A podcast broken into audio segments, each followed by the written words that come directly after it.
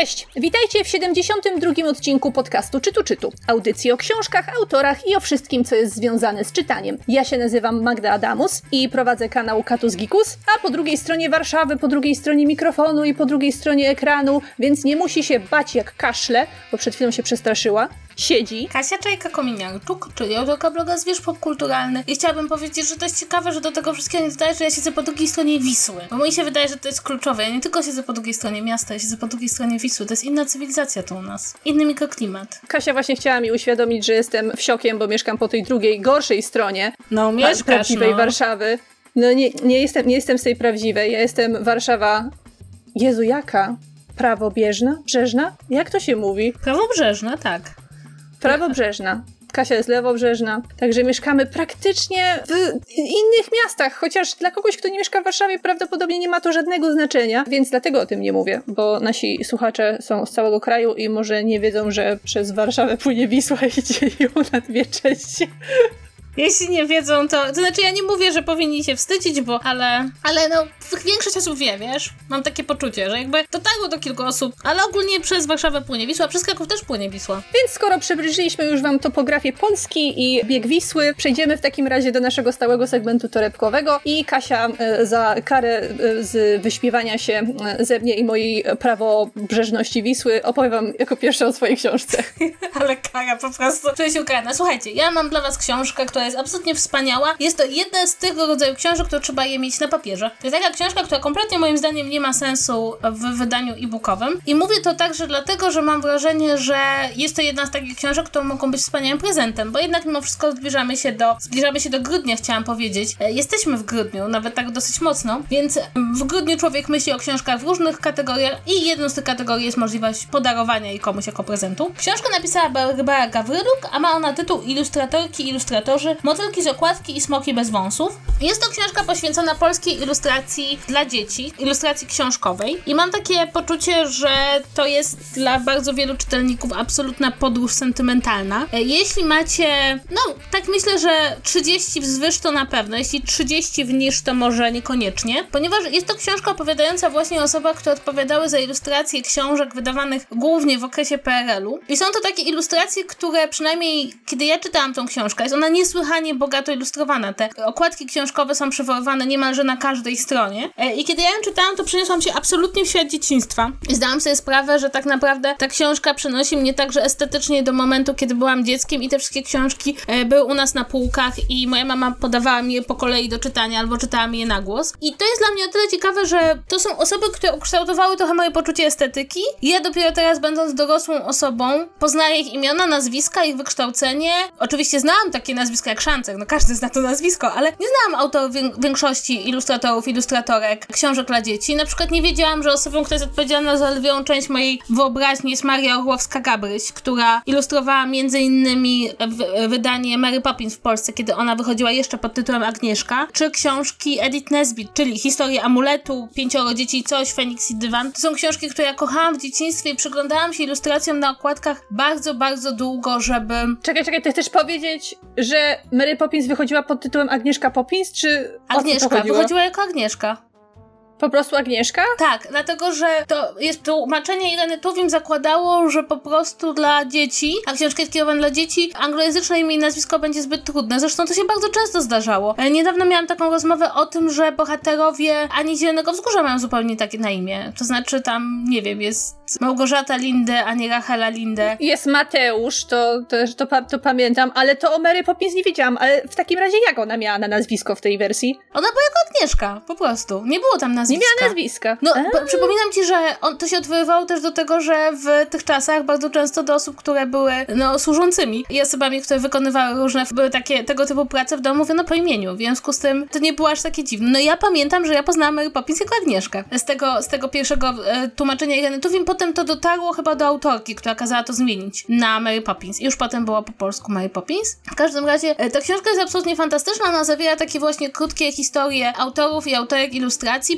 pokazuje nam te ilustracje, ale także możemy się z niej dowiedzieć bardzo dużo o procesie wydawniczym książek w, właśnie w okresie PRL-u, o tym jak bardzo często ilustratorzy marzyli o kolorze, ale go nie, nie dostawali, albo marzył im się wspaniały papier, a papier był oczywiście najniższej jakości. Też dowiemy się, jak działały takie czasopisma jak Świerszczyk czy Miś. Dowiemy się także bardzo dużo o takiej, takim elemencie, który wydaje nam się dzisiaj całkiem ciekawy, to znaczy ile o tym, jak będą wyglądały ilustracje do książek, wiedzieli sami autorzy książek, bo bardzo często tej komunikacji nie było. Ilustracje zakładało, zamawiało się u jednej osoby tekstu drugiej i niekoniecznie było tak, że autor książki miał cokolwiek do powiedzenia w tej materii. Ale też jak patrzę na te okładki, no te okładki, które były tak, takie, a nie inne, z bardzo wielu powodów. Jednym z nich było to, że oczywiście nie kupowano praw do okładek zagranicznych, prawda? Czyli nie było tego, co się dzieje teraz na przykład w Polsce bardzo często, że zamiast zamawiać własne okładki, to korzystamy ze zdjęć albo z okładek, które pojawiły się na rynku anglojęzycznym. I jak patrzę na te okładki, to myślę sobie, że one są niesamowicie piękne do dzisiaj. To znaczy, że do dzisiaj mam wrażenie, nie tylko chodzi o sentyment, który jest w bardzo wielu osobach, na przykład we mnie, bo jak patrzę na te książki, to przypominam sobie z niesamowitym sentymentem niektóre rzeczy, ale one po prostu są fantastyczne w większości, pobudzające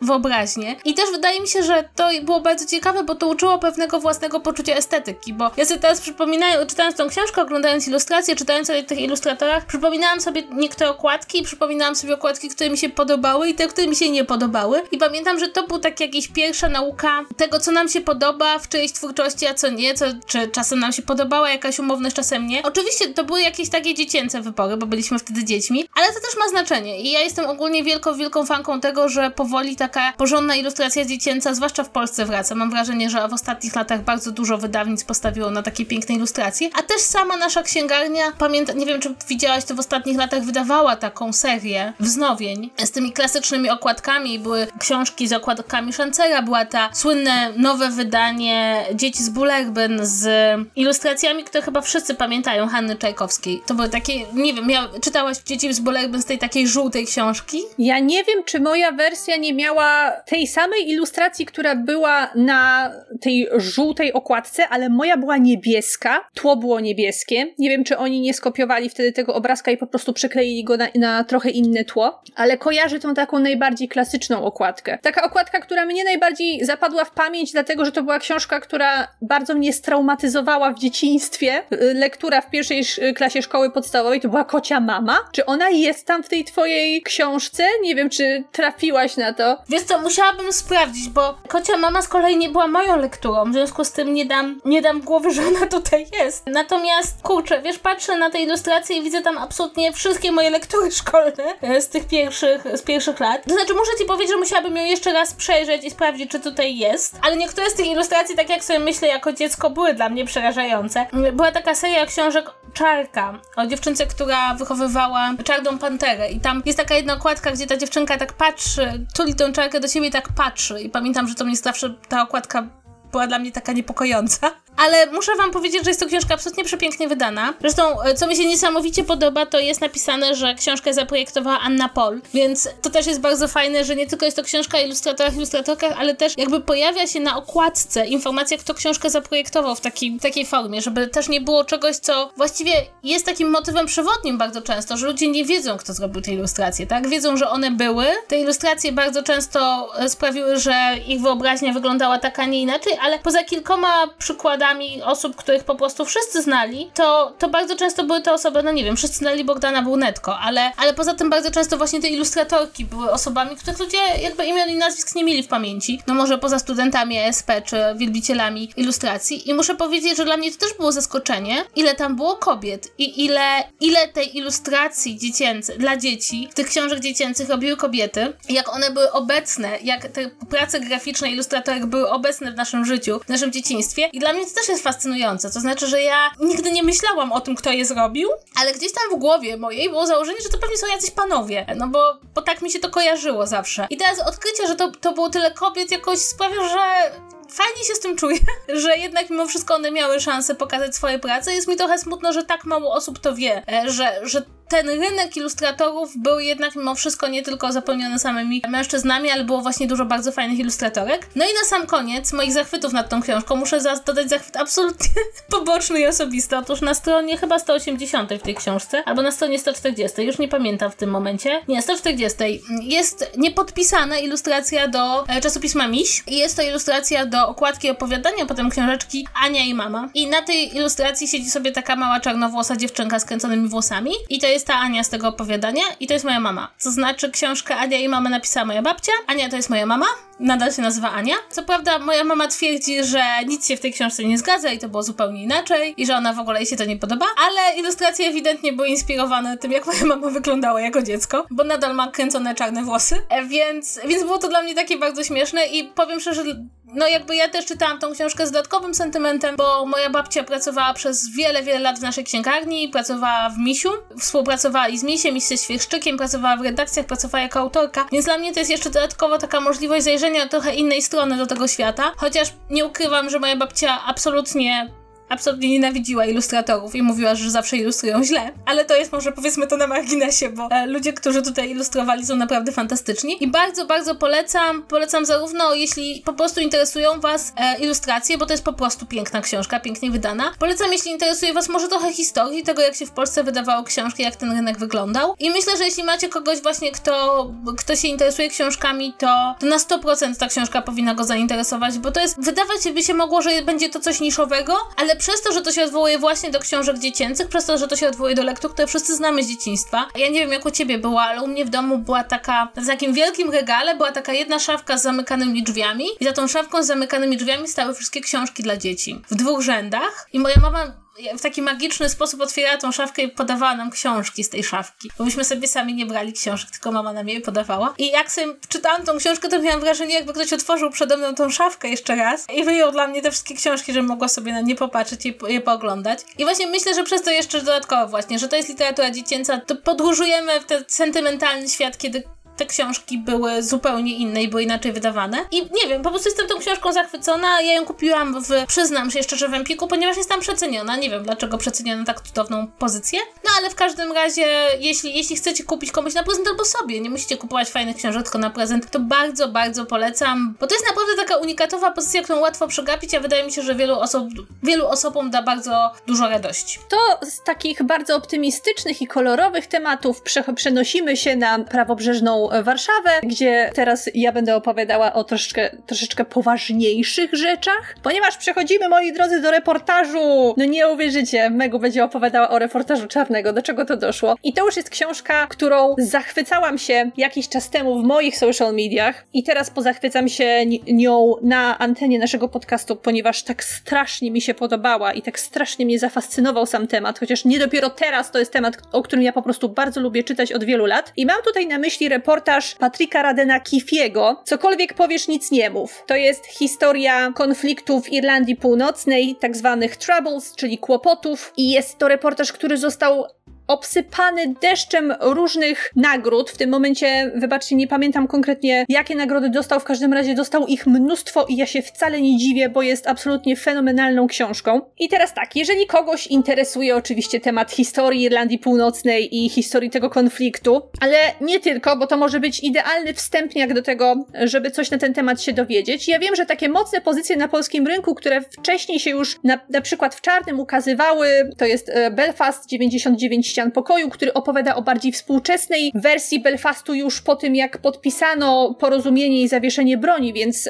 to nie jest książka historyczna. Były też y, inne reportaże, a ta konkretna książka skupia się na o wiele większym obszarze czasu. I mamy tutaj tak jakby główne dwa wątki, które troszeczkę ze sobą się przeplatają, ponieważ mimo, że jest to reportaż, to tam występują takie fragmenty troszeczkę bardziej fabularyzowane, kiedy konkretni bohaterowie dramatu, nazwijmy to, przywołują niektóre ze swoich wspomnień i różne wydarzenia ze swojej działalności w strukturach IRA, ponieważ właśnie ta pierwsza część, ta bardziej historyczna, ta bardziej wypełniona faktami, skupia się na bojownikach, na ludziach, którzy działali w szeregach tak zwanej tymczasowej IRA. To jest, to jest ta część organizacji, która wyłoniła się w latach 60., ponieważ młodzi ludzie byli rozczarowani tym, jak bojownicy o wolność w Irlandii Północnej działali dotychczas, to znaczy za bardzo się układali z władzą, byli za bardzo bierni ich zdaniem, a tutaj potrzebowaliśmy nowej krwi, potrzebowaliśmy ludzi, którzy będą aktywni i którzy zawalczą w końcu o naszą wolność, bo jeżeli dla kogoś ten konflikt jest zupełnie obcy i nigdy o nim nie słyszał, chodzi o to, że Irlandia Północna należy wciąż do Wielkiej Brytanii, a Irlandia jako państwo osobne, głównie, głównie katolickie, jest odrębnym, odrębnym bytem na scenie politycznej. Irlandia Północna, która jest katolicka, czu,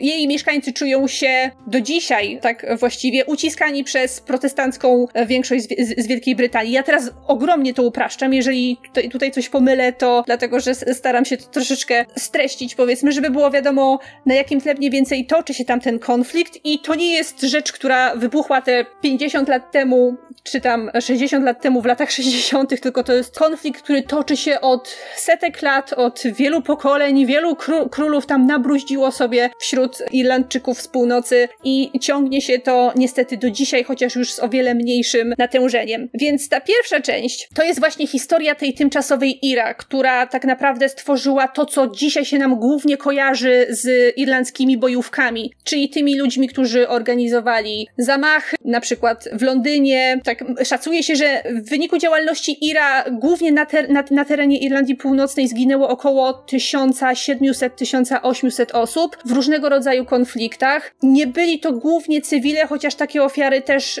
częściowo się zdarzały. Głównie to były ofiary, które pojawiły się po stronie i samych bojowników, i głównie brytyjskiego wojska, ponieważ brytyjskie wojsko, brytyjskie służby specjalne tak naprawdę, oni w pewnym momencie tam porzucili wszelkie zasady, jakich powinno się przestrzegać w konflikcie zbrojnym i działali na takich samych zasadach jak irlandzkie bojówki, więc tam żadne prawo ich nie dotyczyło, oni się rżnęli tam równo wszyscy. Główną postacią, z której perspektywy poznajemy całą historię Ira, która opowiada o tym, jak zaczęła się radykalizować, jak zobaczyła, że jest traktowana niesprawiedliwie i że katolicy są tam uciskani przez, przez protestantów, jest kobieta, która się nazywa Dolores Price i to głównie jej poświęcona jest ta, ta pierwsza, to nie jest pierwsza część, bo one się ob, obie przeplatają, ale głównie jej życie poznajemy tak bardzo dokładnie. Tam oczywiście przewijają się sylwetki różnych innych działaczy, a oprócz tego poznajemy sposób funkcjonowania tej organizacji, historię różnych wydarzeń, które rozgrywały się od lat 60. do współczesności, największe akcje, jak choćby ten zamach w Londynie, różne zamachy w Belfaście, codzienność tych ludzi, którzy tam żyli przez cały czas, przez kilkadziesiąt lat we współczesnym świecie tak jakby byli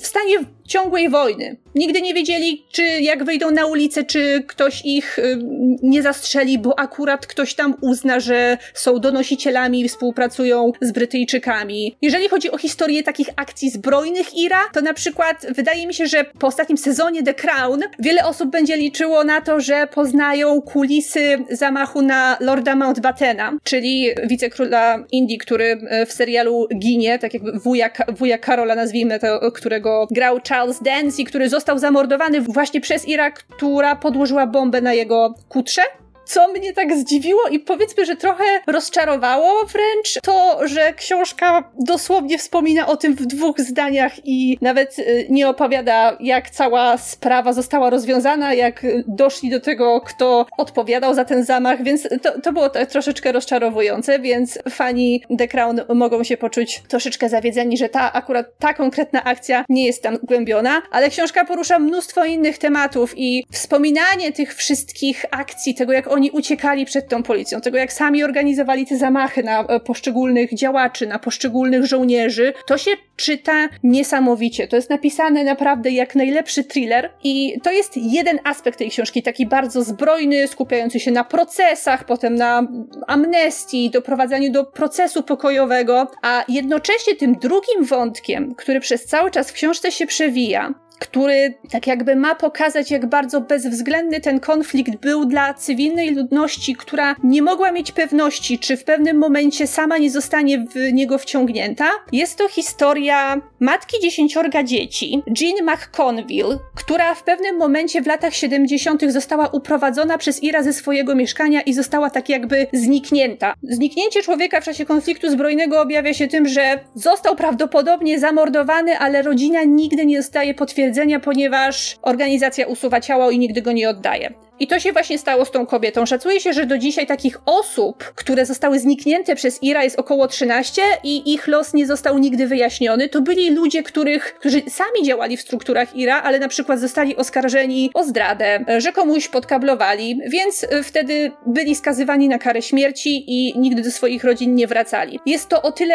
uznawane za okrutną praktykę, że nawet jeżeli jakiś człowiek rzeczywiście działał na dwa fronty i mógł współpracować z Brytyjczykami, to często dokonanie na nim e, egzekucji miało być ostrzeżeniem dla społeczeństwa i specjalnie Ira podrzucała te ciała w miejsca publiczne po to, żeby przestrzegać, że z nami się nie zadziera i takich rzeczy się nie dzieje. Jeżeli kogoś zniknęli, to było to dla bliskich tym bardziej okrutne, że tak naprawdę nigdy nie mogli mieć pewności, czy ta osoba rzeczywiście współpracowała, czy na przykład nie uciekła, co się z nią stało. I właśnie taki los spotkał tę kobietę. Kobietę około 40-letnią, która była wdową, bez męża i są bardzo bardzo małe szanse, żeby naprawdę z Brytyjczykami współpracowała, więc jej historia i jej śmierć wydaje się być w tym całym konflikcie tym, tym bardziej nieuzasadniona, tak jakby jakakolwiek egzekucja była uzasadniona w takich sytuacjach. Ale to ten przypadek jest wybrany do tej książki po to, żeby pokazać, jak bardzo okrutne, nawet we współczesnym świecie, który wydaje się nam być cywilizowany,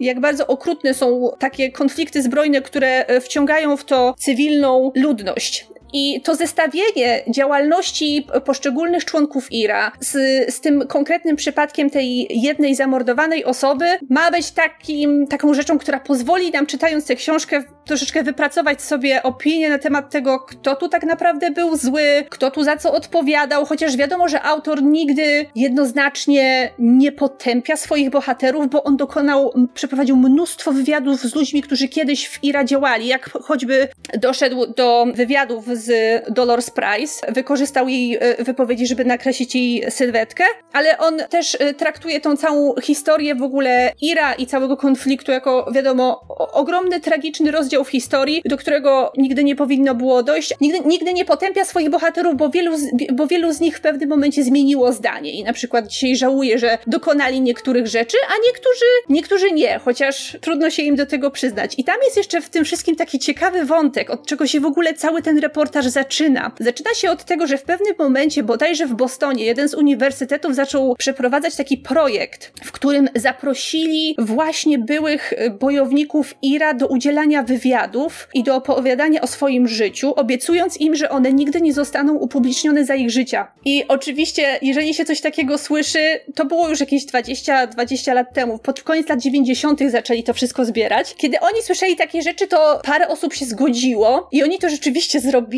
Problem w tym, że później brytyjski wywiad i brytyjski wy wymiar sprawiedliwości zaczął się domagać wydania tych wywiadów i oni je wszystkie zdobyli, zanim ci ludzie zdążyli zejść z tego świata. Więc tam upubliczniono wiele różnych rzeczy, których ci bohaterowie tych wywiadów wcale nie chcieli ujawniać, więc nawet po podpisaniu tych porozumień wielkopiątkowych, czyli to jest ostateczne zawieszenie broni w 1998 roku podpisane, które doprowadziło do tego, że oficjalnie konflikt z Ira się zakończył, odebrano im całą broń, która została zalana betonem i oficjalnie organizacja już nie działa zbrojnie, to do dzisiaj, do lat 2000, głębokich już lat 2000, konsekwencje tego wszystkiego wciąż w tych ludzi uderzają i wciąż rodziny, dzieci, wnuki osób, które wtedy brały udział w tych konfliktach, czasami nie wiedzą, co się stało z ich bliskimi. I to jest ten rodzaj konfliktu, że do dzisiaj na ulicach Belfastu mogą spotkać się ludzie, którzy wiedzą, że ktoś zabił mojego ojca i właśnie mnie minął w piekarni. Ktoś doprowadził do tego, że moja ciotka została poddana egzekucji, a przed chwilą minęliśmy się w parku i oni muszą w tym momencie żyć na jednym obszarze i dochodzić do normalnego życia ponad tymi podziałami i to jest niesamowicie trudne, bo, wie, bo mnóstwo z nich wciąż nie poznało odpowiedzi na najważniejsze pytania dotyczące ich bliskich. Tam oczywiście pojawia się taki wątek polityczny, ponieważ niektórzy z ludzi, którzy wtedy w tych latach 60. działali w IRA, później zaczęli działać w polityce. Jest taka na przykład znana sylwetka Jerego Adamsa, który jest uznawany za jednego z głównych przywódców IRA, który planował zamachy, mówił, kto ma zostać poddany egzekucji, a w tym momencie jest prominentnym irlandzkim politykiem i jest wybierany na kolejne kadencje, ale oficjalnie nigdy się nie przyznał do tego, że rzeczywiście działał w IRA w takim charakterze. I on też między innymi doprowadził do tego porozumienia z 1998 roku. I to jest również ciekawe, że w tych ludziach do dzisiaj żyje taka frustracja związana z tym, że oni poświęcili całe swoje życie, młodość na walkę, która zniszczyła ich zdrowie, zniszczyła ich przyszłość. I to jest w tym wszystkim tak bardzo przejmujące, że ci ludzie, którzy dokonywali wstrętnych rzeczy, umówmy się, i którzy żyją do dzisiaj, mają takie ogromne poczucie frustracji związane z tym, że bojownicy Ira po poświęcili całą sw swoją młodość, oddali życie, oddali wolność, bo spędzili lata w brytyjskich więzieniach, na to, żeby walczyć o oddzielenie się Irlandii Północnej od Wielkiej Brytanii, a w tym momencie wiedzą, że ta walka była przegrana i tak naprawdę już e, nigdy zbrojnie niczego nie osiągnął, dlatego że jej główne zbrojne ramię zostało zmuszone do pacyfikacji i demilitaryzacji. I to nie jest absolutnie sympatyzowanie w tym momencie z organizacją, która, no umówmy się, jest organizacją terrorystyczną, ale jest to też ciekawy wątek i najbardziej przejmujące dla mnie w tym wszystkim jest po prostu to, jak ten konflikt do dzisiaj wpływa na współczesnych nam ludzi. Coś, co wydawałoby się być taką odległą historią w sercu Europy, w kraju, który dla kultury europejskiej jest takim, taką ostoją cywilizacji, to imperium, nie, niegdyś imperium brytyjskie i jego wszystkie części składowe, że tam działy się takie rzeczy i do dzisiaj są tam ludzie, którzy cierpią przez taki rodzaj konfliktu. I ta książka posiada też, co się nieczęsto zdarza, mam wrażenie, kiedy pisze się o historycznych wydarzeniach, ona posiada też pewien rodzaj domknięcia tego wszystkiego, ponieważ autor, przesłuchawszy te wszystkie wywiady z tymi e, bojownikami, które zostały przeprowadzone w Bostonie, Bostonie. I opracowawszy tą całą książkę, on stworzył własną teorię, która się wydaje być dosyć prawdopodobna na, na temat tego, co się stało z tą Jean McConville i kto tak naprawdę ją zabił, ponieważ to jest pytanie, które przewija się przez tę całą historię, ponieważ nikt oficjalnie nie chce tego przyznać. On uważa, że to odkrył. Jest to, jak dla mnie, dosyć wiarygodne wyjaśnienie.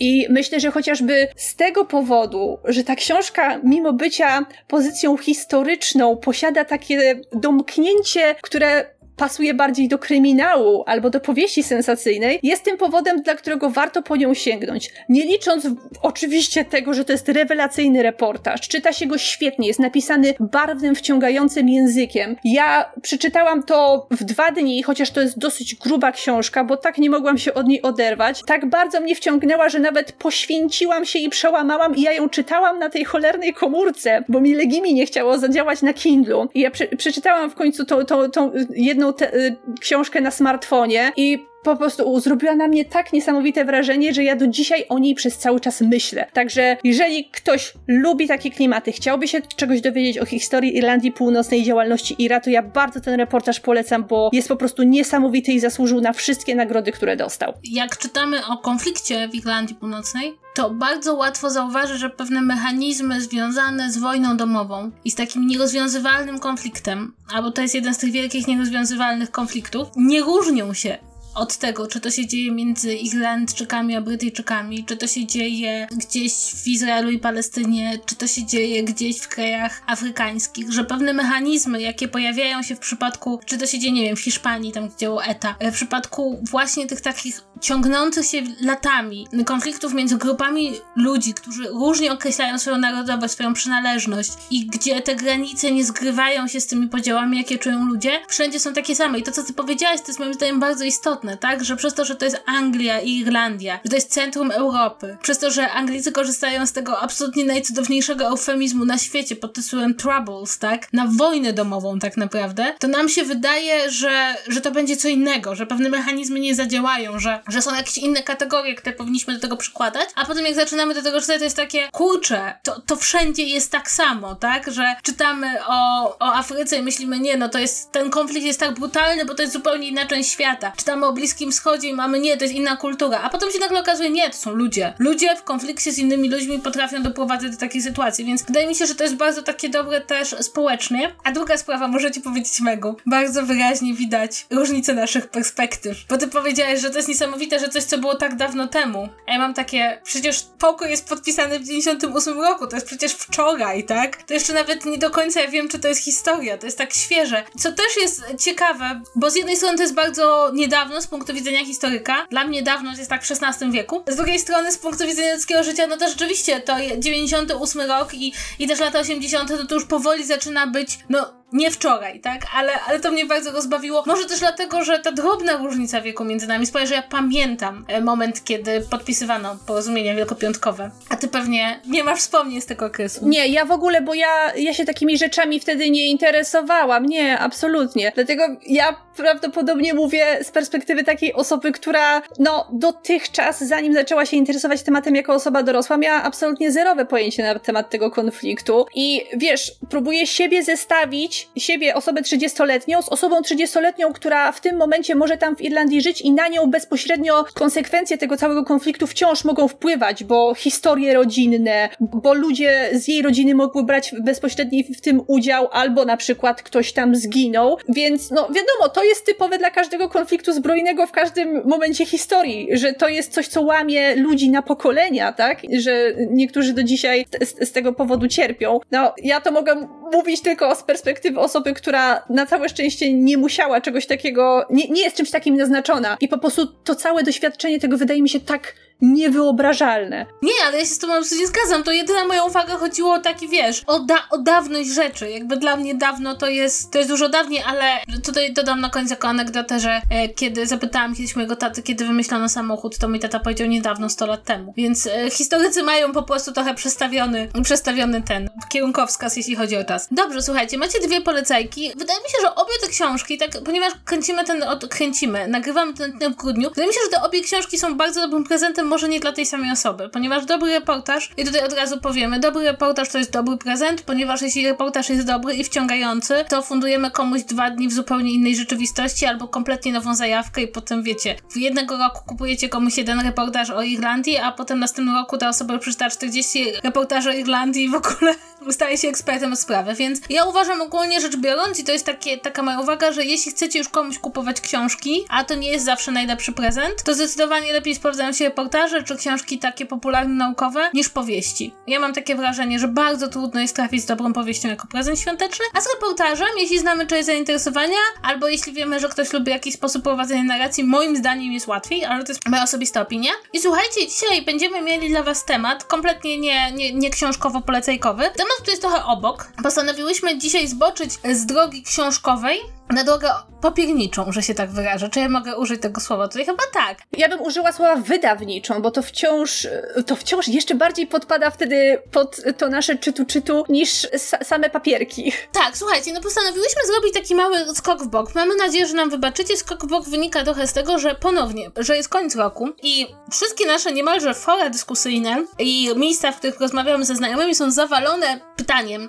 jakie plany kupujecie na przyszły rok, jaki kalendarz, jak będziecie sobie rozkładać ten czas w roku 2021. Część osób mówi, nic nie kupuje, nic nie kupuje, żadne, nic się nie da planować, pandemia jest, nic się nie da, ale część nadal mówi, nie, nie, mimo że koronawirus próbuje nas zamordować, to my będziemy planować i, i chcemy przeżyć ten kolejny rok w jakiś sposób zorganizowany. No i postanowiliśmy, że zrobimy taką wycieczkę, bo chyba obie mamy dużo różnych poglądów na ten temat. Wydaje nam się, że to jest w ogóle fajny segment rynku wydawniczego, który rośnie, a poza tym, słuchajcie, to to jest ten plus, jak prowadzisz własny podcast, to co pewien czas mówisz na ten temat, na który chcesz, a nie na ten temat, na który sobie wyznaczyłeś. I to jest taki odcinek, mamy nadzieję, że wciągniemy Was trochę do dyskusji i też dowiecie się kilku ciekawych rzeczy, ponieważ, uwaga, uwaga, Megu, żeby jakby mnie przekonać, że to ma sens robić ten odcinek, to po prostu się naumiała tyle o historii kalendarzy, że jest także walor po prostu edukacyjny. I teraz Megu po prostu wyjmie wszystkie swoje notatki i Wam opowie, skąd właściwie wziął się taki pomysł, który dzisiaj nam się wydaje absolutnie oczywisty, że mamy osobisty kalendarz i zapisujemy w nim pomysły i plany na przyszłość i, i to, co będziemy robić w przyszły wtorek, i to, co będziemy robić nawet czasem za miesiąc, albo stawiamy sobie plany i cele. Na sam początek prawdopodobnie wypadałoby zaznaczyć takie dosyć konkretne rozróżnienie, to znaczy mamy bardzo dużo rodzajów takiego papierka, który pozwala nam planować swoją przyszłość. To znaczy kalendarz jest taką rzeczą, na której historii nie będę się skupiać, ponieważ kalendarze różnej maści towarzyszyły człowiekowi od setek tysięcy lat i zmieniały się tyle razy, że to nie jest, e, to nie jest przedmiot naszej dyskusji. Mówię o takich kalendarzach ściennych, takie odliczanie od, od poniedziałku do niedzieli. Chociaż ja od razu zaznaczę, nienawidzę amerykańskiego podziału kalendarzy, w którym tydzień się zaczyna od niedzieli. To mi tak rozwala wszystko, że staram się za wszelką cenę takich że to unikać. jest zgodne. No ja wiem, że to jest zgodne, ale ja, ja jestem tak tygodnia. przyzwyczajona do tego poniedziałku. To, to jest bardzo chrześcijańskie, tak? Tak. Czekaj, tak, chrześcijaństwo zaczyna się od niedzieli. No właśnie. No. Ja bym chciała bardziej, ja bym chciała się skupić Ty bardziej... pogańsko. No, nawet nie pogańsko, tylko się, chcę się skupić na tym drugim rodzaju naszych, nie kalendarzy, tylko bardziej terminarzy, planerów, czyli tego książkowego wydania roku, w którym zaczynamy sobie spisywać, co zrobimy w przyszłości, ponieważ to jest dosyć ciekawe, ponieważ taki typ notatek, taki typ zapisków nie towarzyszył człowiekowi od zawsze. To jest dopiero kwestia, nie wiem, ostatnich 200-250 lat. Więc podczas gdy kalendarze towarzyszyły nam od setek lat, a później pojawiały się takie rzeczy jak almanachy, roczniki, te wszystkie spisy zasiewów, zbierania plonów, kiedy co robić, kiedy co się sieje, kiedy, kiedy co kwitnie i tak dalej, to w pewnym momencie, i to już jest taka również historia starożytna, ludzie zaczęli pisać dzienniki. To znaczy zaczęli spisywać swoje przeżycia z danego dnia, swoje wspomnienia i to są rzeczy, które dotyczyły ich od konkretnego punktu w czasie do przeszłości. I na tym się skupiali. Nie wiem, Waszyngton pisał dzienniki, różne postacie historyczne pisały dzienniki. Ja tutaj będę opowiadała trochę z perspektywy amerykańskiej, bo o historii tych planerów wiem najwięcej w tym momencie. I podczas gdy taki Waszyngton pisał sobie dzienniki, to skupiał się na tym, co, czego dokonał dotychczas. Skupiał się na dniu doczesnym, ponieważ to była taka realizacja tej trochę, tej duchowości, która skupiała się na tym, żeby wzrastać w swojej aktywności na co dzień, żeby w tym się udoskonalać, że planowanie na przyszłość, takie bardzo wybiegające do przodu, to było coś nieskromnego, co niekoniecznie spodoba się Bogu, więc na tym się nie skupiamy. I taka była wtedy mentalność tamtych ludzi. To się zaczęło zmieniać, powiedzmy, pod koniec XVIII wieku pierwszy gość, pierwszy wydawca wpadł na to, że można to robić trochę inaczej i zamiast tylko spisywać swoje wspomnienia, zamiast tylko patrzeć do kalendarza z podziałem na miesiące, można też zacząć planować do przodu. I to była taka, powiedzmy, trochę rewolucja pod tym mentalnym względem. Ten pan się nazywał Robert Aitken i wydał pierwszy, pierwszy pomysł na taki terminarz w 1773 roku i była to totalna klapa, ponieważ to się ówcześnie w ogóle nie przyjęło. Za bardzo, za bardzo mu się to y, nie sprzedawało i ówcześni ludzie nie poznali się na geniuszu tego pomysłu. No pewnie dlatego, że to jest właśnie ten okres, kiedy skupiamy się bardziej na przeszłości, na tym, co jest teraz, w chwili obecnej, a nie planujemy jeszcze do przodu, żeby by, nie być pysznym. To się zaczęło zmieniać kilkadziesiąt lat później i na przykład już w 1850 roku, jak w Bostonie zrobili taki spis, kto zarabiał najwięcej w mieście, to najwięcej e, podatków e, z tytułu swojego dochodu odpro odprowadzał wydawca, który sprzedawał kalendarze pewnego producenta kalendarzy. Ci dwaj panowie wtedy zarabiali najwięcej. Więc e, mówimy tutaj już o pewnej rewolucji, która w tamtych czasach przetoczyła się przez amerykański rynek wydawniczy, artykułów papierniczych, nazwijmy to. A już w czasie wojny secesyjnej, czyli kilka lat do przodu właściwie każdy żołnierz na froncie podobno miał swój mały terminarzyk, w którym zapisywał sobie różne rzeczy, które będą się działy w przyszłości. I mnie to niesamowicie tak groteskowo bawi, bo wyobrażam sobie, że ktoś sobie wpisuje datę bitwy pod Gettysburgiem, w ten dzień się bije, w ten dzień obrywam kulkę, w ten dzień idę do szpitala na amputację nogi w, w wyniku gangreny, która w, wdała się po postrzale, e, więc e, przepraszam, jeżeli kogoś mój humor razi, ale to był właśnie ten okres, w którym upowszechniły się takie terminarze w formie, którą który my najlepiej znamy dzisiaj. I oczywiście ten boom na wszystkie terminarze, planery, on się e, tak rozwijał, rozwijał, rozwijał i w momencie nadejścia epoki cyfrowej wydawałoby się, że to jest coś, co nie ma w ogóle możliwości przetrwać, ponieważ e, wchodzimy w świat komputerów, że te wszystkie elektroniczne kalendarze, elektroniczne planowanie rzeczy na przyszłość wyprze wszelkiego rodzaju planery papier e, papierowe i rzeczywiście jeżeli chodzi o takie zmiany na rynku, jeżeli mówimy o cyferkach, to sprzedaż kalendarzy wiszących trochę spadła od lat 80. i sprzedaż takich kalendarzy na biurka też spadła. Ja w sumie nigdy takiego kalendarza nie używałam, więc rozumiem, dlaczego ludzie nie chcą ich używać teraz i to rzeczywiście skutecznie przeniosło się na ekrany telefonów i na ekrany komputerów. Tymczasem w latach 2000, w ciągu ostatniej dekady, systematycznie rośnie sprzedaż wszelkiego rodzaju planerów, terminarzy, tych wszystkich książkowych wydań kalendarzowych, które pozwalają nam planować przyszłość. I formy tych wszystkich książeczek przez cały czas się zmieniają, wychodzą nowe rzeczy, nowe filozofie planowania, nazwijmy to, zyskują popularność. I tutaj na pierwszy plan wybija nam się to, co w tym momencie świeci triumfy, to znaczy tak zwany bullet journaling, czyli to jest taka metoda planowania, która została opublikowana oficjalnie w bodajże 2013 roku przez pana, który się nazywa Ryder, Ryder Carroll. On wymyślił po prostu taki system zapisywania sobie konkretnych zadań na dany dzień i system migrowania ich na następne dni, tak żeby to miało być jak najbardziej wydajne, żeby miało wpływać na naszą produktywność. Od tamtego czasu, kiedy ten pan w 2013 roku zaczął sobie tą metodę opracowywać i ją opublikował, to sprzedaż wszystkich terminarzy niesamowicie wzrosła tak mniej więcej e, w ciągu roku w USA tak o 10 milionów y, wartości w dolarach, więc to jest kupa kasy naprawdę. Nie mam statystyk z dnia obecnego, ale y, mówi się, że wciąż, ponieważ jest to wciąż metoda bardzo popularna, świecąca triumfy, to te liczby utrzymują się na bardzo wysokim poziomie. I to jest bardzo ciekawy aspekt y, tego, jak rozwinął się ten segment rynku papierniczego, papierniczo-wydawniczego tak naprawdę, ponieważ wokół bullet journalingu i wokół prowadzenia od odpowiedniego prowadzenia plenera narosło tyle filozofii, tyle różnych przekonań, które powinno się stosować, żeby one były jak najbardziej wydajne, że zrobiła się w pewnym momencie no, z tego taka yy, nawet nie, nie, filozofia, co religia. Bo w tym momencie bullet journaling łączy w sobie takie elementy po pierwsze organizacji, po drugie mindfulness, po trzecie self-care, bo to ma pomagać ci w twoim osobistym rozwoju, osiąganiu celów i osiągania kolejnych poziomów na, na, na trasie rozwoju siebie jako jednostki i przeistaczanie się w coraz lepszego człowieka, że to już nie jest tylko zwykła organizacja. Chociaż oczywiście w swoim oryginalnym kształcie, kiedy ten pan Karol opublikował swoją metodę, no to wtedy chodziło tylko i wyłącznie o przepisywanie sobie zadań i, organiz- i wykonywanie ich po kolei, tak żeby odhaczyć sobie wszystko z listy. A to, że dzisiaj do tego się dodaje te wszystkie ozdobniki, że to jest samodzielne rysowanie bardzo ozdobnych tabelek, spędzanie nad tym mnóstwa czasu, szukania inspiracji na Pinterestie i po prostu popadania w coraz większe papiernicze szaleństwo, to już jest zupełnie inna sprawa. Ale tak, w tym momencie teraz jesteśmy, że kiedy nadchodzi grudzień, to wszyscy się zastanawiają, jaki planer sobie kupić. Jeżeli prowadzą bullet journal już od jakiegoś czasu, to jaki nowy zeszyt w kropki kupić, żeby, e, żeby móc e, to kontynuować. Więc my teraz sobie porozmawiamy o tym, co my robimy, kiedy planujemy to znaczy, na przykład, Kasia, czy pamiętasz swój pierwszy terminarz? Pamiętam, tak, tak, pamiętam. To była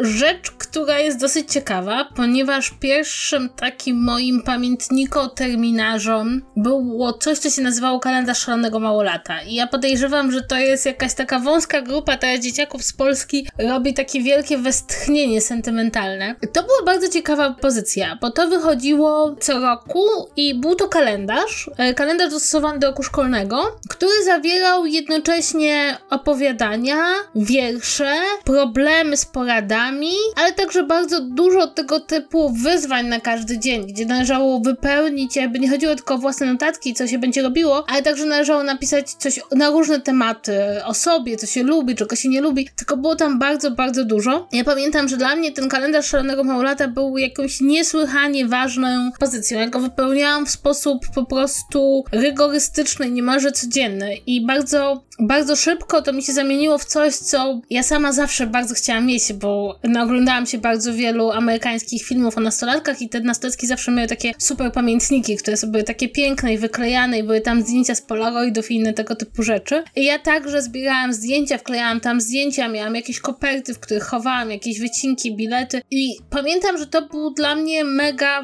ważny element mojego życia i to było gdzieś zawieszone pomiędzy właśnie takim pamiętnikiem e, w stylu, nie, no nie mówię, że nie mówię, że takim absolutnie klasycznym, nie jak Pasek, ale takim pamiętnikiem nastolatki, a takim planerem, że rzeczywiście tam sobie wpisywałam, że kiedy będą ferie, kiedy wyjeżdżam, kiedy jest klasówka, kiedy jest kartkówka i pamiętam, że to było bardzo ciekawe, że ja właściwie przeskoczyłam od razu do jakiegoś takiego planera, który coś mi układał, który chciał ode mnie czegoś więcej niż tylko zapisywanie, co będzie dalej. I tutaj muszę dodać jeszcze jedną uwagę na marginesie. Wydaje mi się, że to, jak, jak podchodzimy do takich zapisków, też bardzo mocno zależy od tego, z czego wychodzimy. A ja wychodziłam z domu, w którym istniała olbrzymia tradycja, rzekłabym kronikarska, że się tak wyrażę. To znaczy, moja babcia robi zapiski codzienne od kilkudziesięciu lat i codziennie pisze, co się u niej dzieje, a także planuje, co będzie w przyszłości w takich grubych kalendarzach e, na każdy rok, z, koniecznie z twardą kładką. Natomiast moi rodzice przez całe lata, nie wiem, czy robią to na teraz, ale póki byliśmy mieszkańcami domu rodzinnego, to na pewno zapisywali codziennie, siadaliśmy wszyscy codziennie. Mój tata robił taką kronikę domową, co kto robił danego dnia i co było na obiad.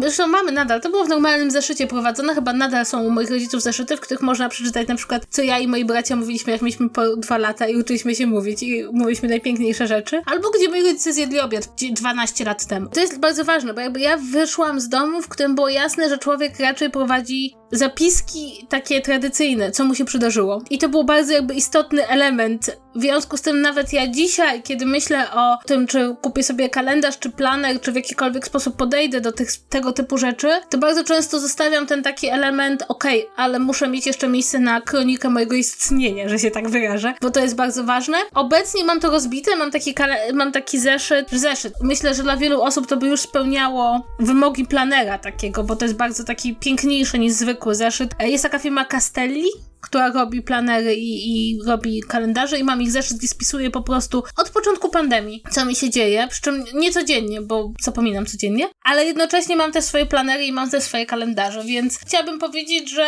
to jest bardzo ciekawe, bo ta tradycja spisywania, co się przydarzyło, e, potrafi być bardzo żywa w człowieku i to też chyba zależy od, od tego, z jakiej tradycji się wyszło, z jakiego domu, z jakiego zwyczaju się, się wyszło. No ale w każdym razie, jak ty zaczęłaś? E, jaki był twój pierwszy planer, terminarz? Cokolwiek, kiedy pomyślałaś sobie, że albo będziesz spisywać swoją E, bujne, swoje bujne życie, albo że będziesz planowała swoją, swoje istnienie na tym globie. To znaczy, jednym z moich pierwszych jakichkolwiek kalendarzy takich do codziennych zapisków, może nie rodzaju kronikarskiego, bo ja takich rzeczy raczej nigdy nie robiłam, ale do zapisywania tego, co będzie i do planowania życia. Na pewno był jeden z tych nastoletnich kalendarzy szkolnych, który miał format od września do końca wakacji. To jest coś, czego dzisiaj już w życiu bym nie używała, bo to chyba tylko w okresie edukacji ma się taką potrzebę i to w ogóle ma jakikolwiek sens. A wtedy pamiętam. Nie, chciałabym powiedzieć, chciałabym powiedzieć, że te kalendarze są kluczowe dla wykładowców akademickich. No tak, mówię, o, to, wciąż, to wciąż y, ciągnięcie edukacji, tylko troszeczkę wy, wyżej, więc to ma wciąż sens. To był jakiś na pewno kalendarz nastolatki, ale to nie był taki, o jakim ty mówisz, bo sprawdziłam sobie okładki w internecie i ja nigdy takiego nie miałam. Y, na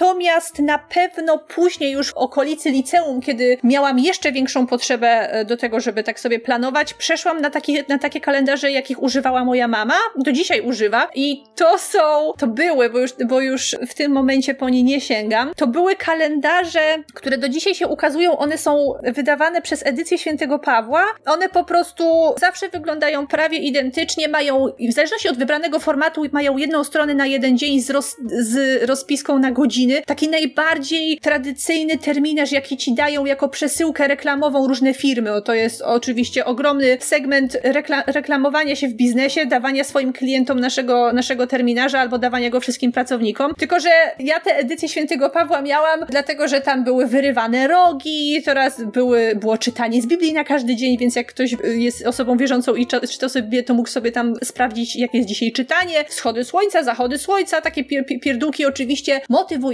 sentencja na każdy dzień. To mnie to w, te, w, te, w tamtym momencie wystarczyło. To było po prostu tylko i wyłącznie zapisywanie tego, co się będzie działo za parę dni. Tu jakaś próba, tu jakiś sprawdzian, tu planowanie nauki do sprawdzianu. Takie typowe, typowe licealne rzeczy. Ja się w tym momencie zaczynam się zastanawiać, w jakim, na jakim etapie życia właściwie człowiek zaczyna odczuwać taką potrzebę, żeby rzeczywiście to wszystko notować, bo nie potrafię sobie przypomnieć, ile miałam lat, kiedy miałam pierwszy kalendarz do takich zapisków. Prawdopodobnie moją pierwotną motywacją musiało być coś związanego ze szkołą, żeby ogarnąć zadania domowe i sobie je rozpisywać, więc to musiał być jakiś wiek szkolny, ale podejrzewam, że do gimnazjum nie notowałam takich rzeczy. Mi się wydaje, że to musiało być gimnazjum, liceum, kiedy zaczęło to być jasne, że rzeczy, które się dzieją jest na tyle dużo i tych odpowiedzialności jest na tyle dużo, że ja sama tego nie ogarnę. Wydaje mi się, że to też bardzo zależy od tego, do jakiego stopnia twoi rodzice są gotowi ogarnąć trochę za ciebie, tak? Bo moja mama nie była gotowa za mnie ogarnąć cokolwiek. Nas było za dużo, was też było więcej, więc, e, więc ogarnianie rzeczy dla więcej niż jednego dziecka to chyba przerasta rodziców. Ale też z drugiej strony e,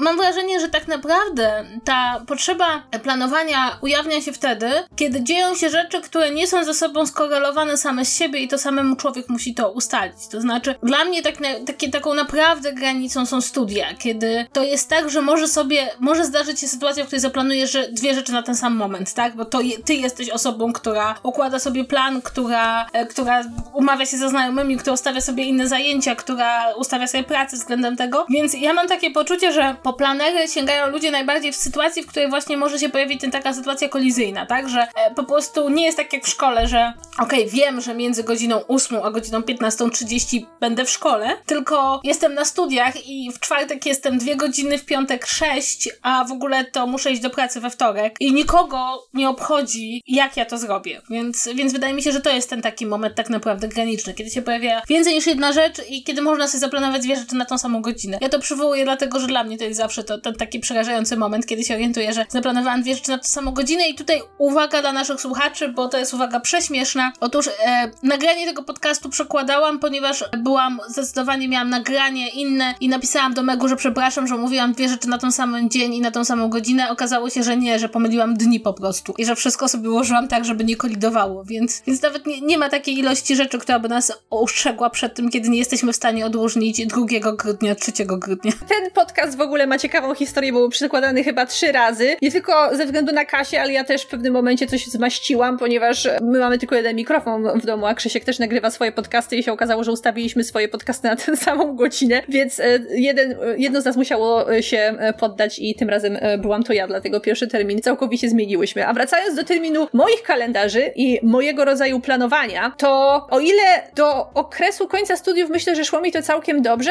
to wydaje mi się, że przez ostatnich parę lat funkcjonowałam całkowicie bez jakiegokolwiek papierowego kalendarza, bez terminarza, bez y, takich y, papierowych zapisków. Korzystałam tylko i wyłącznie z kalendarza Google'a, co w pewnym momencie się zaczęło na mnie mścić, więc i to był tak powiedzmy okres ostatniego pół roku, więc zaczęłam szukać jakiejś nowej metody, która pozwoli mi troszeczkę lepiej zorganizować swoje życie. I tak, owszem, przyznaję, ja jestem jedną z tych osób, które wciągnęły się w ten nieszczęsny bullet journaling. A ja mówię, mówię nieszczęsny, bo rzeczywiście e, początki były trudne, głównie dlatego, że pozwoliłam się wciągnąć w te narkotyczne przeglądanie Pinteresta i ćwiczenie ręki, żeby pisać jak najładniej, żeby te zapiski były jak najbardziej estetyczne. I to jest ogromna pułapka, z którą chyba każda osoba, która zaczyna w ogóle e, się w to wciągać, musi się zmierzyć i musi z tego dołka wyjść, żeby zrozumieć, że no, no nie, nie tak, nie o to właściwie chodzi w skutecznej organizacji, żeby wszystko wykaligrafować pięknym piórkiem. I tak, do dzisiaj, do dzisiaj się bawię w ten e, bullet journaling. W tym momencie jest to dla mnie taki okres e, przejściowy ograniczania tej całej estetycznej filozofii na rzecz tego, żeby po prostu zapisać to, co ma się do zrobienia w dany dzień i skutecznie to wykonać. Wychodzi mi to różnie,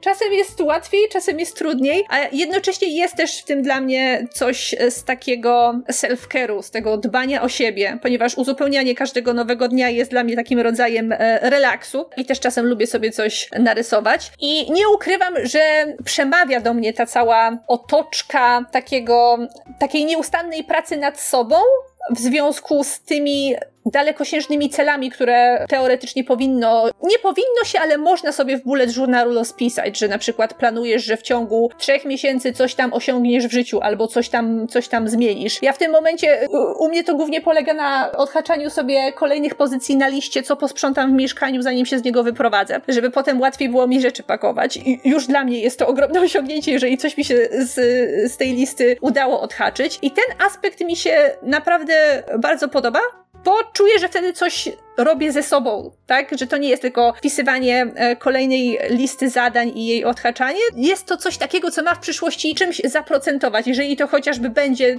to, że będę miała posprzątane w szafie. Także trochę się wyleczyłam z tego kompulsywnego ozdabiania rzeczy, bo w momencie, kiedy spędzasz 5 godzin nad przygotowaniem kolejnej rozpiski, kolejnego miesiąca w tym dzienniku, to to trochę nie ma sensu i to nie o to tak naprawdę w tym chodzi. Więc podstawową rzeczą, zanim ktoś się zabierze bierze za, bu- za bullet journaling, jest nauczenie się tego minimalizmu, że nie trzeba się rzucać na głęboką wodę i skupiać tylko na ładnym rysowaniu, rozrysowywaniu tabelek i różnych y, zwierzątek na marginesach, tylko żeby wrócić do samej esencji tej metody z 2013 roku, po prostu spisywanie tasków, migracja tasków, wykonywanie tasków i to powinno, to powinno wystarczyć. Także dla mnie to jest wciąż proces, ja się wciąż tego uczę, ale to jest strasznie fajne i mi się to podoba. Ja muszę przyznać, że ja mam takie rozbicie na dwa dwa różne punkty. Od razu powiem szczerze, że dla mnie wszystkie filozoficzne rzeczy związane z samorozwojem i związane z byciem coraz lepszym nie działają. Ja tak nie działam. Ja jakby w ogóle w ten sposób nie myślę. Ja nie umiem, jakby dla mnie stawianie sobie samemu celów i dążenie do bycia coraz lepszym jest, jest kompletnie sprzeczne z moim charakterem. Ja lubię patrzeć wstecz na siebie i myśleć sobie, okej, okay, pokonałam jakąś drogę, nie lubię sobie jej wyznaczać. Ale nie uważam, że to jest coś złego w tym, to po prostu moja psychika w ogóle nie działa w tym, w tym zakresie.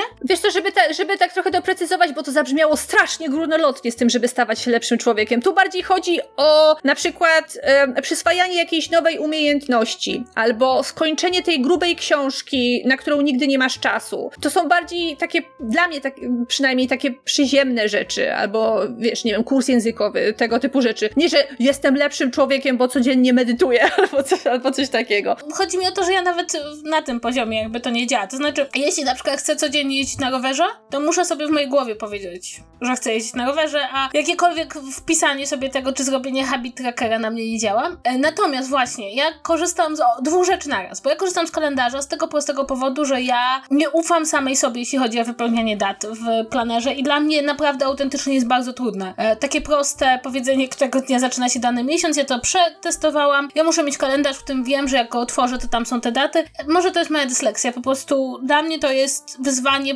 ponad wszystko, zorientować się, jaki mamy dzień miesiąca. Więc mam zwykły kalendarz i do tego zwykłego kalendarza wpisuję rzeczy, które będę robić w danym momencie. Natomiast mi się czasem zdarzają takie momenty w życiu, kiedy tych rzeczy, które ja robię na bardzo różnych poziomach mojej działalności jest bardzo, bardzo dużo i ja się czuję wtedy straszliwie zagubiona. I wtedy podejście do planera i wypisanie sobie bardzo dokładnie, krok po kroku, co muszę zrobić, które z tych zadań są cięższe, które są prostsze, które mogę jakby zbić w jeden dzień, które są takie, które są bardzo zaśmiecające umysł. No podam wam przykład. Powiedzmy, mam się przygotować do wystąpienia w telewizji, ale nie mogę pójść na żywo. Muszę przeczytać ze 3 czy 4 artykuły w sieci, żeby, żeby to zrobić. I to nie jest coś, na czym ja muszę poświęcić bardzo dużo czasu, ale mam cały czas w tył głowy, że muszę temu poświęcić tak 45 minut, tak, żeby odświeżyć to w pamięci. Jeśli to zapiszę, to już tego nie muszę potem trzymać w głowie że muszę te 45 minut poświęcić. I potem rzeczywiście, kiedy usiądę i sobie tak rozplanuję, rozpiszę, roz, rozłożę te problemy, to jest mi łatwiej odetchnąć i skoordynować to, co się dzieje i Także potem spojrzeć i pomyśleć sobie, kurczę, dużo tego było. Przy czym uwaga, dla mnie,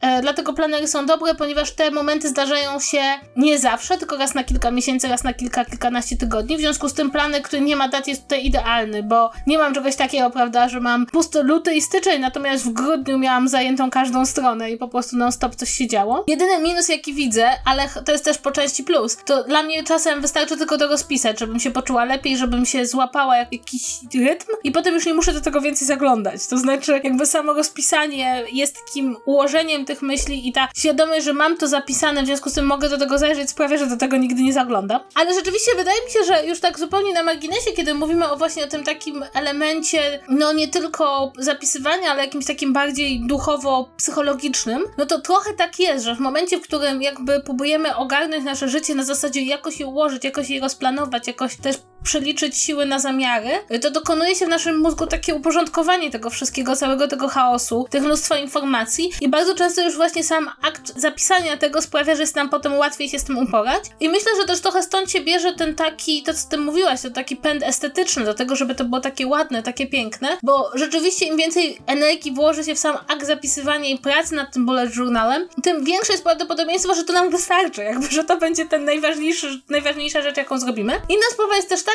że ja mam wrażenie, że to także ten lettering, czyli to takie ładne pisanie, ta kaligrafia, e, to ozdabianie bullet journali, to robienie z nich takich trochę czymś pomiędzy kalendarzem i terminarzem, a pamiętnikiem nastolatki, bierze się to stąd, że po prostu jest nas pęd, żeby wrócić do papieru, żeby wrócić do pracy manualnej, żeby wykorzystać te wszystkie piękne naklejki, długopisy, brushpeny. I ja na przykład zwróciłam uwagę, że dla mnie kolorowanie, czy właśnie lettering, czyli te nauka ładnego pisania, to jest coś, czego mi bardzo brakowało, że jakby pracujemy przy komputerze, żyjemy przy komputerze i nagle próbujemy, chcemy zrobić coś realnego ze swoimi rękami, a jeśli przy okazji możemy zaplanować sobie nadchodzący tydzień, no to jeszcze nie mam poczucia straty czasu w tym wszystkim. Tak, ja y, dokładnie tak samo czuję i y, z podobnych powodów też zabrałam się za takie ładne pisanie, bo u mnie też zaczęło się od letteringu, a ten bullet journaling przyszedł później i myślę też, że e, warto nawiązać do, do tego, co e, powiedziałaś i nadmienić, że używanie jakiegokolwiek terminarza, jakiegokolwiek papieru do spisywania tego, co musisz zrobić, jest dopiero pierwszym krokiem, bo rzeczywiście pozwoli nam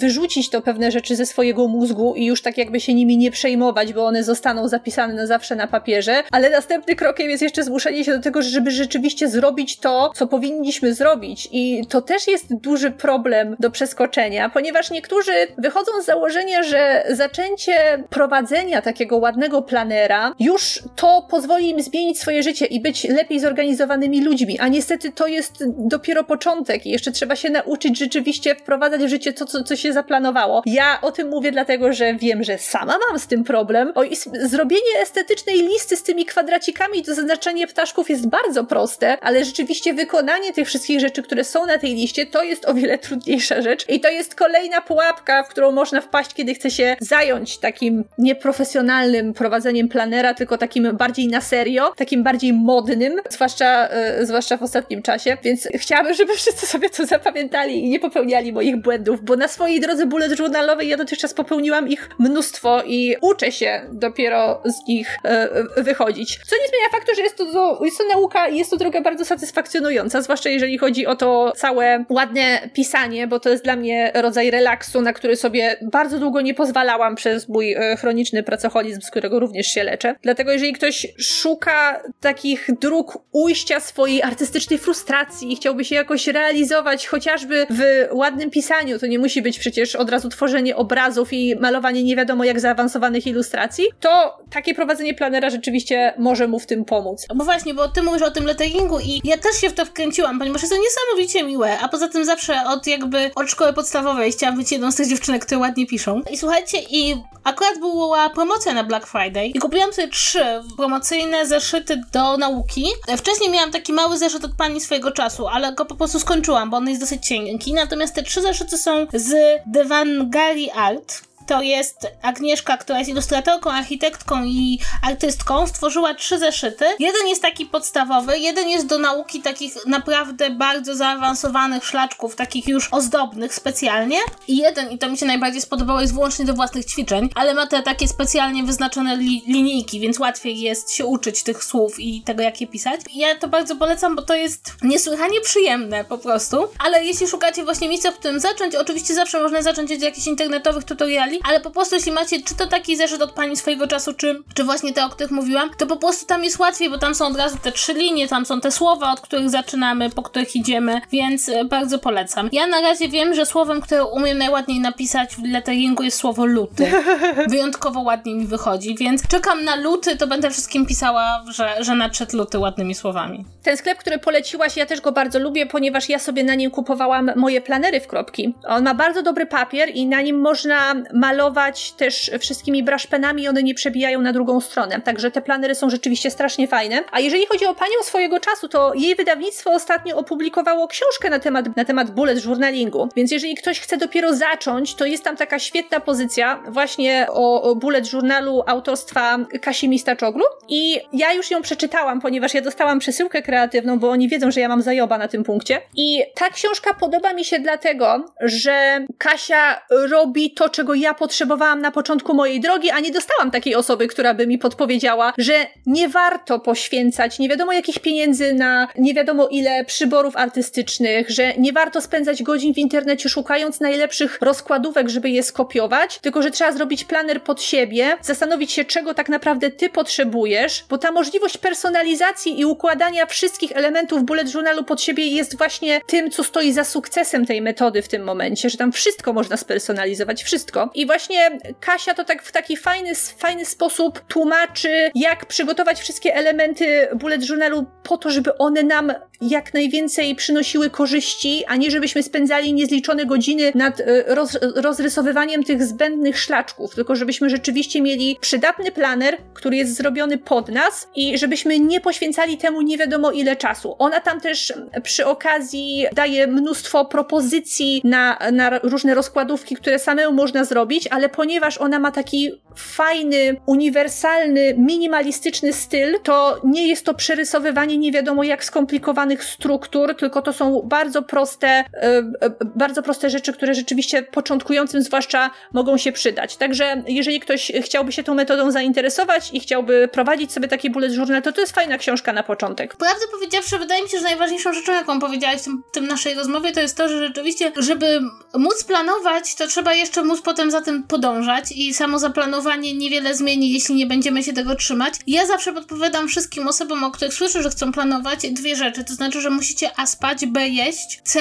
i to jest bardzo ważne, i to jest taka rzecz, która jest bardzo ważna, możecie sobie zaplanować, że będziecie pracować wydajnie od rana do nocy, ale nikt nie pracuje wydajnie od rana do nocy. Nieważne, czy chodzi o pracę kreatywną, czy chodzi o pracę dla was, czy chodzi o pisanie, czy chodzi o tłumaczenie. I jeśli rozpisujecie sobie różnego rodzaju zadania i jeśli rozpisujecie sobie różnego rodzaju rzeczy, to musicie wziąć pod uwagę, że nie jesteście leniwi, tylko jesteście ssakami. Ssaki śpią przez większość dnia w ogóle i nic nie robią. I ja to mówię z doświadczenia osoby, która bardzo dużo musiała sama sobie organizować pracy i to po pracy zwykłej, bo moje pisanie książek, moje pisanie bloga, moje nagrywanie podcastów to jest przecież praca obok mojej zwykłej pracy i bardzo często jest tak, że w planujemy na zasadzie ok, to będę pracować od 8 do 17, potem e, zjem obiad o 17.30, a już o godzinie 18 zabiorę się za pracę kolejną. Nie, nie zabierzesz się za kolejną pracę. Potrzebujesz sobie tam dodać godzinę czy półtorej odpoczynku, bo nie dasz rady i nie będziesz kreatywny albo kreatywna. Więc bardzo to polecam jakby mieć to z tyłu głowy. Jesteśmy zwierzętami i zwierzęta czasem muszą odpoczywać, nie mogą cały czas pracować, muszą spać, jeść i, i czasem sobie zrobić się w środku dnia, jak jest bardzo ciepło albo jak jest bardzo zimno. I jeśli będziecie to mieć w pamięci, to nie będziecie planować sobie dni tak, że kiedy poczujecie się fizycznie zmęczeni, to będziecie mieli wyrzuty sumienia, że dopadło was coś takiego jak fizyczne zmęczenie, a przecież powinniście zasuwać jak, nie wiem, jak małe chomiki przez cały dzień. A jeżeli potrzebujecie papierniczych pomocy do tego, żeby sobie lepiej to życie swoje i swoją pracę rozplanować, to rynek jest w tym momencie, zwłaszcza w grudniu, tak przesiąknięty różnymi propozycjami, że jeżeli się tylko rozejrzycie, to na pewno znajdziecie coś dla siebie. I to nie musi być ten pusty zeszyt w kropki, żeby sobie robić bullet journal. Wcale nie musicie, y, nie musicie od razu się na to rzucać i nie namawiamy was do tego, żeby to była właśnie wasza podstawowa forma prowadzenia kalendarza, ale jest tyle różnych propozycji, może to być zwyk zwykły terminarz, taki jakiego ja używałam, kiedy dopiero zaczynałam w gimnazjum. To mogą być różnego innego rodzaju propozycje wydawnicze, które łączą ze sobą elementy takiego bardzo spersonalizowanego i swobodnego planera z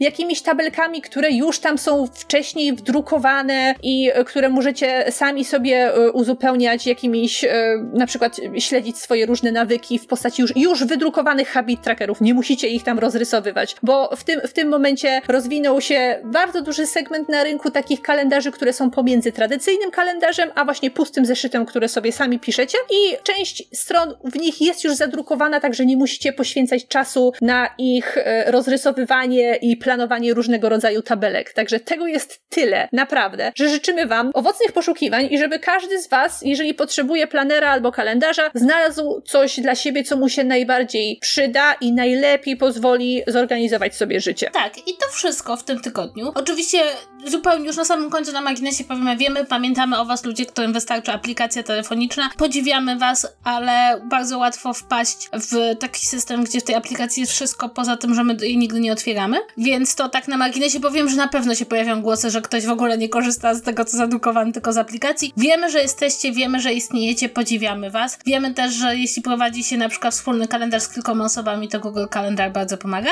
ale w tym tygodniu to już absolutnie wszystko. E, słuchajcie, no życzymy wam wesołych świąt, bo to jest odcinek przedświąteczny, więc mamy nadzieję, że dostaniecie pod choinką bardzo dużo fajnych książeczek i to takie, których jeszcze nie macie i to takie, które chcecie przeczytać i nie dostaniecie czterech egzemplarzy nowej książki to karczuk, bo wszyscy przyjdą gdzie do głowy im, żeby wam kupić to samo, bo to się zdarza co roku pod różnymi choinkami na całym świecie. E, mamy nadzieję, że zjecie dużo serniczka i makowca i, i co jeszcze się je? E, piernik? Dobrze, i piernika i... Piernik.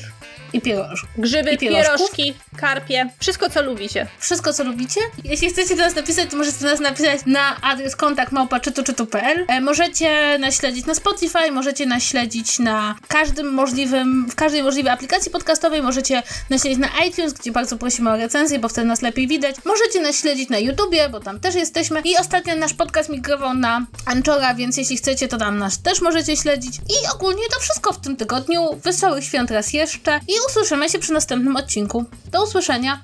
Pa, pa!